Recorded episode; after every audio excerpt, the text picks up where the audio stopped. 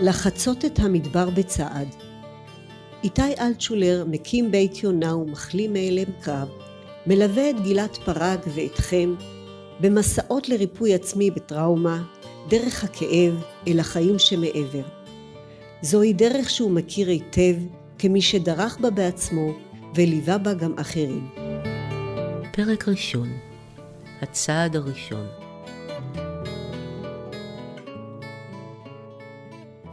יציאה למסע, אמרו לי המורים לתסריטאות, מתחילה מתוך שאיפה להגיע לאנשהו, או מתוך הצורך לעזוב. בכל מקרה, צריך כוח לעזוב את הנקודה המוכרת ולנוע אל הלא נודע. מי שיוצאים למסע ריפוי עצמי, עושים זאת כשכבר לא הייתה להם ברירה. המקום בו הם נמצאים, החיים שהם מחזיקים בין השיניים שנים רבות, הסתירו, התגברו ותפקדו, מתפרק להם בהדרגה או בבת אחת בין האצבעות. יש אלה שמסמנים את המקום אליו ירצו להגיע. קשרים אישיים, התמדה או מימוש של פוטנציאל, רוצים לצאת מהצל הרחב שהטיל הקושי על החיים שלהם. הצעד הראשון מתחיל מהכרח, אך גם מכוח.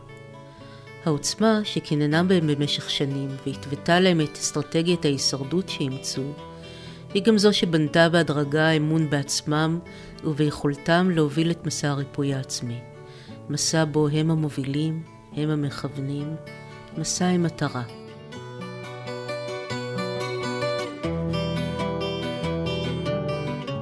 היום נכיר את רונית וירון, שניים שמתחילים את המסע. ונפגוש את איתי לשיחה על חיים עם פוסט-טראומה ועל משמעות המסע. וכמו בכל מסע, מתחילים מהצעד הראשון. קריינות, סימה אלטשולר. כשסגרה רונית את הדלת, פרפרה לה הבטן. היא ירדה במדרגות במהירות הבזק, פן רגליה יישאוה מעצמן ויחזירו אותה שוב להשתבלל מתחת לשמיכה, להתבצר בתוך הבדידות והאכזבה שהכירה היטב. היא כבר הגיעה לגיל שלושים, וחשה בכל מאודה שהיא כמהה לילד משלה, כמהה לקשר זוגי יציב ובטוח, לגבר שתוכל לאהוב ולהרגיש בטוחה במחיצתו. כל הקשרים שהיו לה עד עכשיו התגלו לבסוף או בהתחלה כבלתי אפשריים, והיא ברחה מהם בעור שיניה. בתוכה, היא ידעה שלא תמיד בגברים היה האשם. אכן חלקם היו מוטרפים, או שתלטנים, ומאיימים, אך לא כולם. היא הייתה מספיק חכמה, ישרה ומפוכחת, כדי לדעת שהיא-היא השחקנית המשותפת בכל הטלנובלות של חיי הזוגיות שלה. היא הבינה מתוך טיפול אחד או שניים שלקחה בו חלק, שיש משהו בסיפור חייה שמביים עבורה את כל הדרמות ומביאן לסופן הטרגי, לפחות מבחינתה.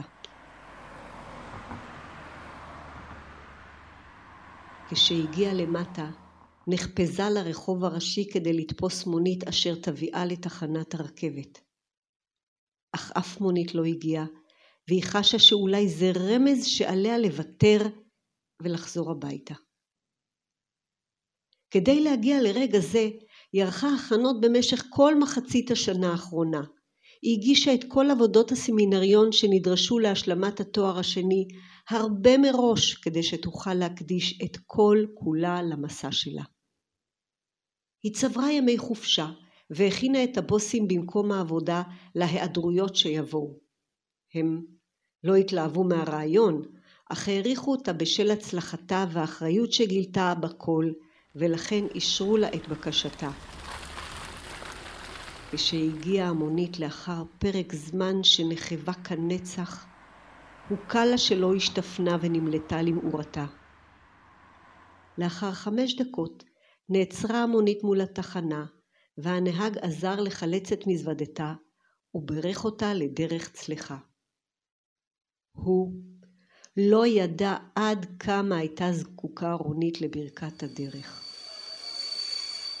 כאשר רונית עלתה לרכבת בתחנה ריקה למחצה בדרום הארץ, לא היה לה קשה למצוא מקום ישיבה ללא שכנים. היא לא אהבה לנסוע בצפיפות הרגילה, ובעיקר לא אהבה שמתיישבים לידה. היא חשה במבוכה כשפנו אליה בניסיון ליצור שיחה. כשגבר הוא שפנה אליה, המבוכה הפכה ללחץ. לכן, בנסיעות מעין אלו התכנסה בהקשבה למוסיקה או השתקעה בקריאה בספר. כשסגר ירון את דלת המונית בעדינות, הטריקה של תא המטען הקפיצה אותו. הנהג בירך אותו לדרך צלחה, וירון נתן לו טיפ גדול, אך לא מש ממקומו לכיוון תחנת הרכבת. הנהג שאל אותו אם הכל בסדר, אם שכח משהו, וירון ענה, אה, כן בטח, הכל בסדר, תודה. הנהג נסע, וירון המשיך לצפות בשער הכניסה לתחנה. הוא התבונן באנשי האבטחה ובבודקי הכבודה, ונדרך. לא היה לו מה להסתיר, ובכל זאת. הוא חיפש דרך לעקוף את הבידוק, אך לא מצא כזאת. הוא חשב לוותר על הנסיעה ברכבת, לשוב ולקחת מונית שתביאו ליעדו. אך נסיעה מיוחדת לגליל הייתה הרבה מעבר ליכולתו הכלכלית. הוא החל להתקדם לעבר הכניסה, וידיו החלו להזיע. הוא הצטער שלא נענה להצעה להצטרף לנסיעה משותפת. אז נסיעה כזו נראתה לו צפופה מדי וארוכה מדי, אבל עכשיו זה היה הרע במיעוטו. בשנים האחרונות לא הצליח להתמיד בשום עבודה, וגם לא לשמר זוגיות לאורך זמן. הוא לא היה מטומטם, ולא קבר את ראשו בחול. הוא ידע שהוא נושא עמו כאב מאז שירותו הצבאי, כאב שמדיר אותו מהמסלול שהחיים ייעדו לו. המחשבה לפנות לטיפול, לבקש עזרה, לחשוף את רגשותיו, היו בלתי נסבלים בעיניו, והוא עשה הכל כדי להתמודד.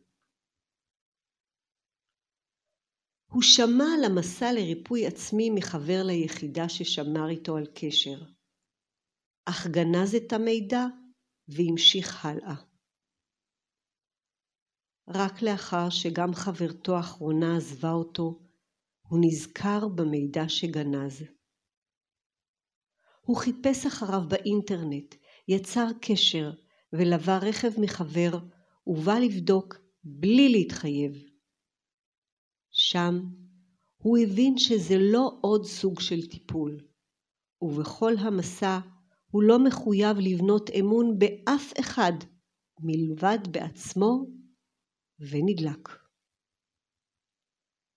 רק כשחזר הביתה קלט שהמסע הזה יחייב אותו להוצאה כספית משמעותית וכן להשקעת זמן משמעותית לא פחות, והתמודדות רגשית שממנה נמנע כל השנים. הוא התקרר ונבהל, אך האפשרות לרפא עצמו לא הניחה לו. הוא ידע שזמן לא חסר לו, ופחדן הוא לא. רק הכסף הוא הבעיה. הוא התבייש לפנות להוריו לבקש עזרה.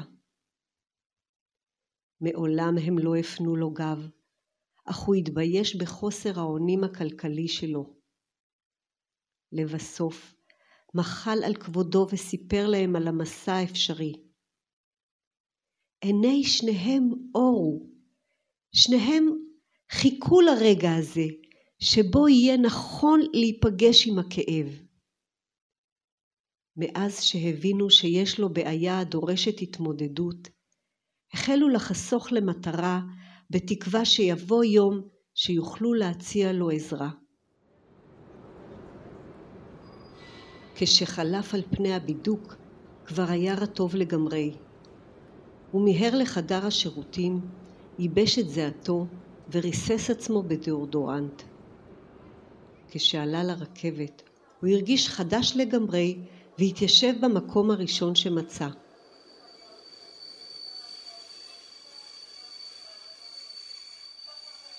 הנסיעה של רונית התקדמה יפה, אך בפאתי תל אביב הקרונות החלו להתמלא וגבר בשנות הארבעים התיישב מולה.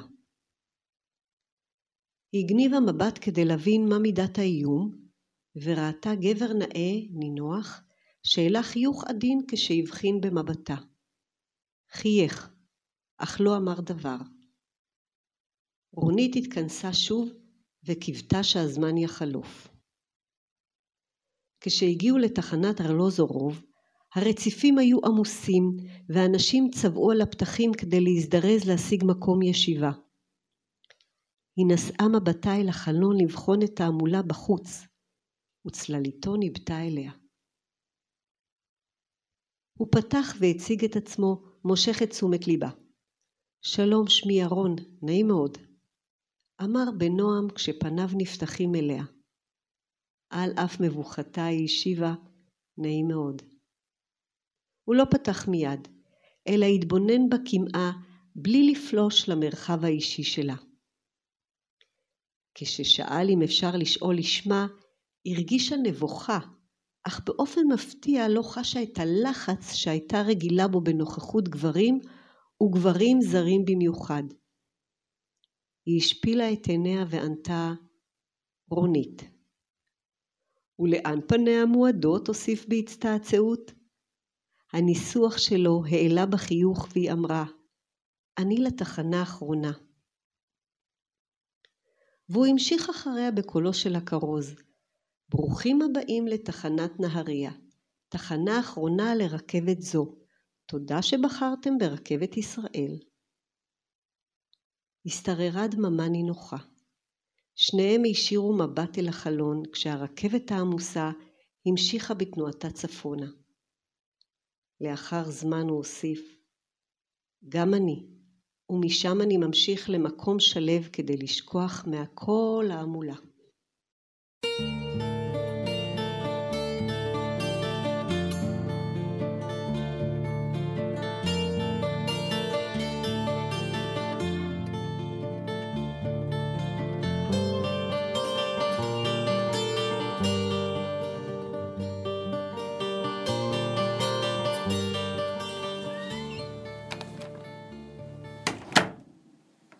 שלום איתי. שלום גלעד. אז אנחנו מתחילים מסע היום? נראה לי שאנחנו מדברים על איך מתחילים מסע. אז קודם כל האנשים שפגשנו, רונית וירון, זה על אנשים שאתה מכיר? זה לא על אנשים שאני מכיר, אלא בהשראת אנשים שאני מכיר, וחלקם אני ממש מכיר לעומק, עברתי איתם תהליכים ארוכים ועמוקים, אז uh, בהשראתם. מה זאת אומרת עברת איתם תהליכים? לפני אה, שנים רבות עבדתי במה שנקרא טיפול, ואז עשיתי תהליכים אישיים עם אנשים של שיקום וריפוי מפוסט טראומה, ועשיתי איתם תהליכים מאוד ארוכים. ובהשראה של הסיפורים האישיים שלהם וההיכרות עם ההתמודדויות שלהם, בהשראת הניצחונות שלהם, כתבתי את הסיפורים. מה זאת אומרת עשית איתם תהליך? אתה מטפל? היום אני לא מטפל, גם אז לא הייתי, אבל ככה זה הוגדר. אז לימדתי ברמה פרטנית אישית, היום אני מלמד את אותם דברים ברמה, בצורה קבוצתית. מה ההבדל בין מטפל לבין מלמד? ההבדל אה, הוא מהותי. מטפל רוצה ללוות את הבן אדם ולעשות שינוי ולהוביל אותו לשינוי. האחריות היא משותפת של המטפל ושל האדם. לעומת זה במורה או מלמד הוא אדם שמקנה לאדם שהוא עובד איתו כישורים ומיומנויות ובזכות הכישורים והמיומנויות האלה הבן אדם עושה את התהליך שהוא צריך לעשות. והאחריות כולה נמצאת בידיים של התלמיד ולא בידיים של המורה. ואתה קורא לזה מסע. זה מסע כי זה תהליך אה, לא תמיד כל כך קצר והוא רצוף הפתעות טובות ופחות טובות והוא מרגש כמו מסע, ובסוף מגיעים לסופו. בוא נתחיל את המסע, ונתחיל עם רונית. אתה מתאר שיש לה פרפרים בבטן. מה, מה זה הקטע הזה של פחד מהצעד הראשון?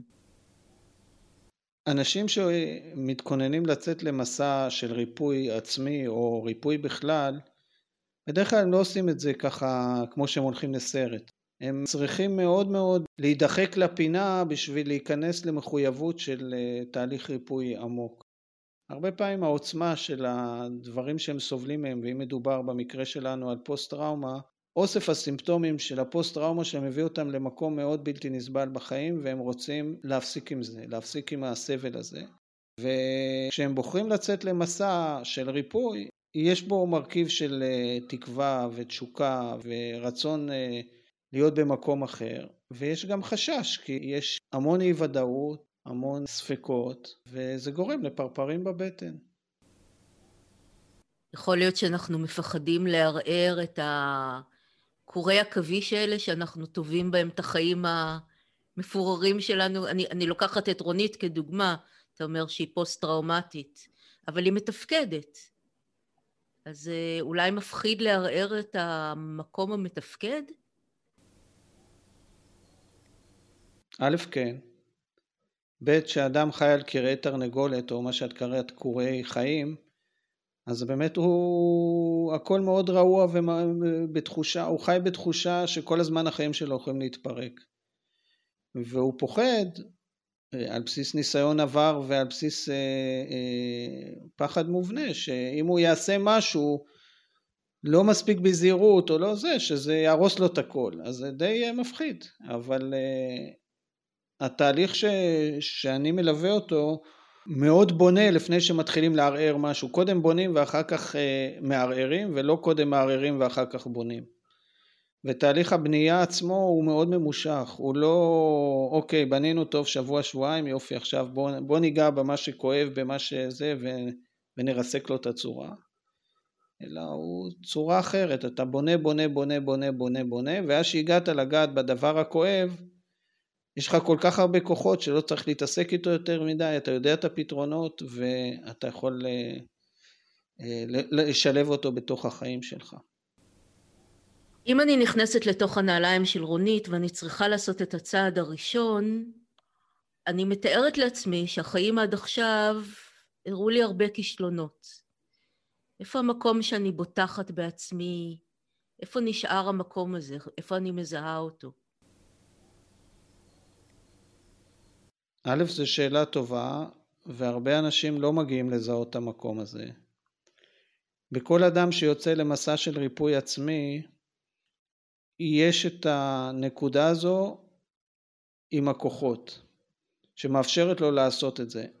אני לא יכול להגיד אצל איך אתה מזהה את זה, זאת אומרת כל אדם מכיר את הצורה המיוחדת שלו של הכוחות האלה, זה מין דבר כזה שאתה לא יכול לשדל אדם ולהגיד לו הנה הנה אתה יכול, אתה לא יכול.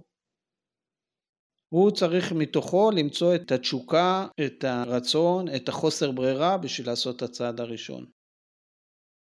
מה שיקרה במהלך התהליך, אה, הנקודה אם היא הייתה קטנה מאוד בתוך החיים, היא הופכת להיות מאוד גדולה ומשמעותית ומניעה, ולא נדרש אה, מיקרוסקופ או להפוך את כל האבנים בשביל למצוא אותה. זה, היא הופכת להיות יותר ויותר נוכחת ומפושטת בחיים. הנקודת החוזק והכוח הזו. אבל הנקודה הראשונה זה כל אחד בא מהעולם שלו ומהמקום שלו ואין שום עצה שאתה יכול להגיד לבן אדם תחפש פה, תחפש שם ותמצא את הכוח שלך. אדם שאין לו כוח, הוא לא, הוא לא יוציא את עצמו מהבור שהפוסט טראומה קרתה לו. הוא צריך איזשהו כוח ראשוני, לפחות בשיטתי. וזה גם אחד ההבדלים בין אדם שבא לטיפול, אומר האחר יעשה לי, האחר יעזור לי. פה הנקודת הפתיחה היא שאדם אומר לא, אני אעשה ואני מחפש את הדרך, את המורה, את, ה, את המסלול, את, ה, את, ה, את התוכן. וזה הבדל מאוד משמעותי. מישהו בעמדה הראשונה של יעשו לי, אין לו מה לחפש במסלול הזה. זה גם, אני חושבת על רונית, היא בוחרת לעשות מסע של ריפוי עצמי ולא מסע שברי צדיקים. זה לא כאילו, היא, היא לא אומרת רק זה המזל שלי, אני צריכה לשנות מזל, אלא אני צריכה לשנות משהו בתוכי. מההיכרות שלי עם רונית הספציפית הזו, היא קודם עשתה את זה. קודם הלכה לקברי צדיקים. גם, וגם יכול להיות שבמקביל היא הולכת, זאת אומרת אנחנו מורכבים, אנחנו אנשים מורכבים, וקברי צדיקים זה דבר לגיטימי אם הוא מחזק אותך, ומי שהולך לקברי צדיקים לא חושב שזה מזל. זאת אומרת, מה אני אומר בדבר הזה? אני אומר שהקטע האמוני הוא קטע חשוב בתהליך הריפוי, זה מה שאני רוצה להגיד. אז אם זה לובש צורה דתית או צורה אחרת זה לא משנה זה חשוב הצד הרוחני בהתמודדות עם דבר כמו פוסט טראומה היא אלמנט חשוב ומשמעותי להצלחה. היא בשלבים הראשונים בטוח שהיא אמרה כן זה חוסר מזל שלי משהו אצלי לא בסדר כן היא אמרה את זה לעצמה אבל היא גם לא בחורה בדיוק טיפשה והיא ראתה 10 20 30 פעמים של קשרים דפוקים אז היא אמרה, אוקיי, יש כאן משהו שהוא מעבר לחוסר מזל שלי. ואולי, למרות שהייתי מאה פעמים בקברי צדיקים, והייתי בעמוקה, והייתי בצפת, והייתי, בכל, והייתי בנתיבות, והייתי בכל מקום אחר, עדיין אני ללא בן זוג קבוע וללא ילד, אז אה, בוא ננסה עוד משהו. בוא נדבר קצת על ירון. אותו אתה מכיר ממש טוב, נכון? קרוב אליך. מכיר אה, כמה ירונים כאלה, ו... ואני אחד מהירונים האלה בעצמי. אז uh, אתה מסכים שניכנס קצת uh, למקום האישי יותר? כן, למה לא? איך נראים חיים בתוך פוסט-טראומה? חשוב לציין שאם רונית היה לה פוסט-טראומה על רקע מיני, ולירון יש פוסט-טראומה על רקע צבאי או, או לאומי, אז יש דמיון ויש שוני. בסיפורים בטוח יש שוני ובחוויות ובתגובות גם לפעמים יש סוג מסוים קטן של שוני. כשאדם לא יודע שיש לו איזשהו קושי עמוק, אז הוא בעיקר מבולבל, הוא לא מבין למה דברים לא הולכים לו, למה הוא לא מצליח בדברים נורמטיביים שהוא היה אמור להצליח והוא לא מצליח, למה הוא לא מצליח להתמיד. למה הכעס הוא חלק אינטגרלי בחיים שלו? למה לכל החברים שלו יש חברה שלוש ארבע שנים והוא יש לו חברה חודש או חודשיים או שלושה? לפעמים הוא לא מבין את זה הרבה שנים ולפעמים הוא מבין את זה מהר אבל הוא מתעלם. אתה אומר שהוא גם נמנע מלדבר על רגשות. זה קטע של גברים, זה קטע של פוסט טראומה מלחמה. אני שואל אותך בתור אישה, זה קטע של גברים או קטע של פוסט טראומה? אני לא יודעת, אומרים שנשים יותר קל להם לדבר על רגשות, אבל אתה פגשת מכל הכיוונים. א', אני חושב שזה גם קטע גברי ובעיקר צד חינוכי של הגברים. פגשתי אה, לא מעט נשים שהן אה, מדברות על הרגשות אבל לא באמת מרגישות. הן יודעות לדבר על רגשות אבל זה לא רגשות אמיתיים בהכרח. או שהם, אה, אה, או שהם בדיוק כמו גברים, יש הרבה נשים שהן אה, מאוד נשיות ומצד שני באספקט הזה הן מאוד גבריות, כאילו הם... אבל הקושי לדבר על הרגשות זה לא הבעיה של הקושי של לדבר על הרגשות, זה הקושי להרגיש את הרגשות. בעידן האמריקאי let's talk about it אז כאילו הקושי הוא לדבר על רגשות, הבעיה היא לא בקושי לדבר עליהם. אפשר להתמודד עם רגשות בלי להחליף עליהם אפילו מילה אחת. המילים זה לא המפתח, לשיטתי המילים זה לא המפתח, אלא המפתח לעולם הרגשות זה הזמינות שלהם, הנגישות לכל המנעד שיש לרגשות והיכולת אה, אה, לווסת איזושהי מין אקולוגיה רגשית כוללת. עכשיו מה שקורה לאנשים פוסט טראומטיים אה, לסוגיהם אה, יש להם אה, כל מיני איי פרפר כאלה לכל מיני תחומים של רגשות. זאת אומרת יש להם כל מיני רגשות בגלות ויש להם כל מיני רגשות שהם מאוד מאוד דומיננטיים והם משתלטים להם על כל השאר הרגשות. לדוגמה ניתן דוגמה לגבי מה שאמרנו קודם. הרבה פעמים אומרים שגברים שעברו חוויה פוסט טראומטית הם כועסים ואלימים אוקיי? מה שלפעמים זה מאוד נכון גם. אבל הרגש הזה הוא כל כך דומיננטי שגם אם אדם מפחד או גם אם אדם עצוב או גם אם הוא מאוהב הוא יכול להגיב באותה צורה כי זה הרגש שמשתלט לו על כל הרגשות האחרים הכעס, והתגובה האלימה שבאה אחריו, או לא אלימה, אבל עדיין הכעס. וזה יכול להיות גם רגש אחר, נגיד אדם אחר יכול להרגיש עצוב על כל דבר. ואז האנשים האלה חיים בחוויה מאוד מאוד חסרה. והחוסר הזה משפיע מאוד על הרבה אספקטים של התנהלות בחיים. ואם מדובר על זוגיות, אז ודאי שזה משפיע.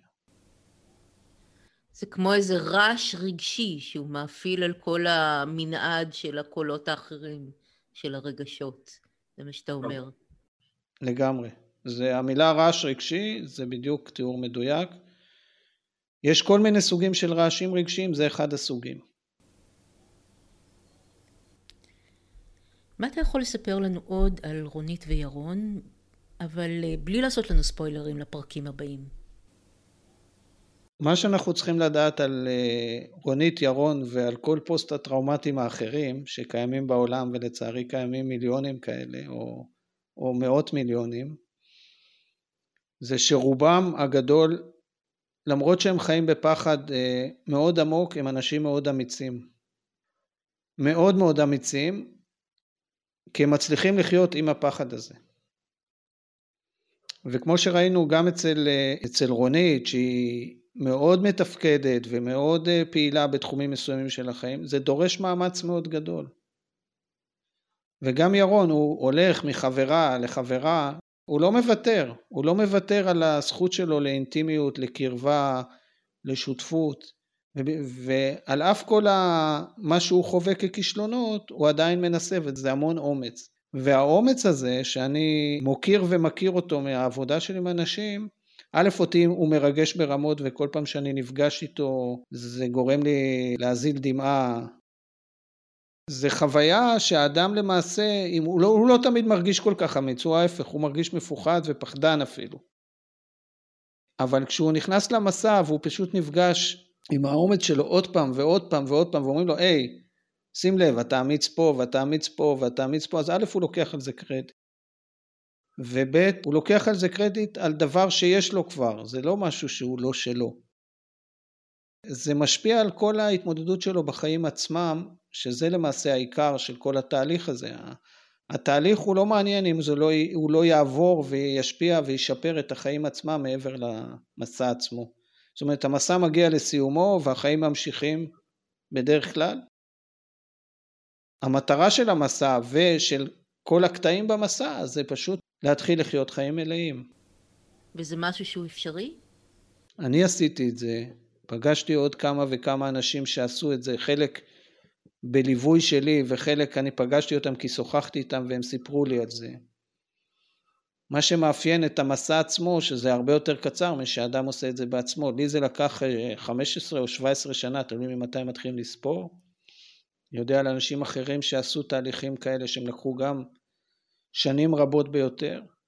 ברגע שאתה מקצר תהליכים, אז זה מקצר את התהליכים, ובמקום אה, להיות במסע 17 שנה, אתה נמצא שנה, שנתיים, חצי שנה, לא יודע, כמה שאתה צריך. ואת השאר אתה פשוט חי. לא נמצא במסע טיפול עצמי, ריפוי עצמי, אתה, אתה חי, חיים מלאים, עם הכאב, עם היופי, עם הכישלונות וההצלחות. אז בוא תספר לנו על מה נדבר בפגישות הבאות. לאן ממשיך המסע של ירון, של רונית? דבר ראשון אני רוצה לספר שיש עוד דמויות שיופיעו, שאולי ואפרת, אה, שיופיעו כל אחד עם סיפור אחר, עם, עם גיל אחר, כל אחד עם אופי אחר, עם סיפור אחר, וזה ייתן לנו עוד אה, נופח למסע ולמורכבות שלו וההתאמה שלו לאנשים שונים עם סיפורים שונים. מה שאנחנו נעשה בפרקים הבאים, אנחנו נעבור תחנות בתוך המסע הזה, לא מעט תחנות, ונשתתף בחוויות שאנשים עוברים, ונדבר על נושאים שעולים מתוך החוויות האלה.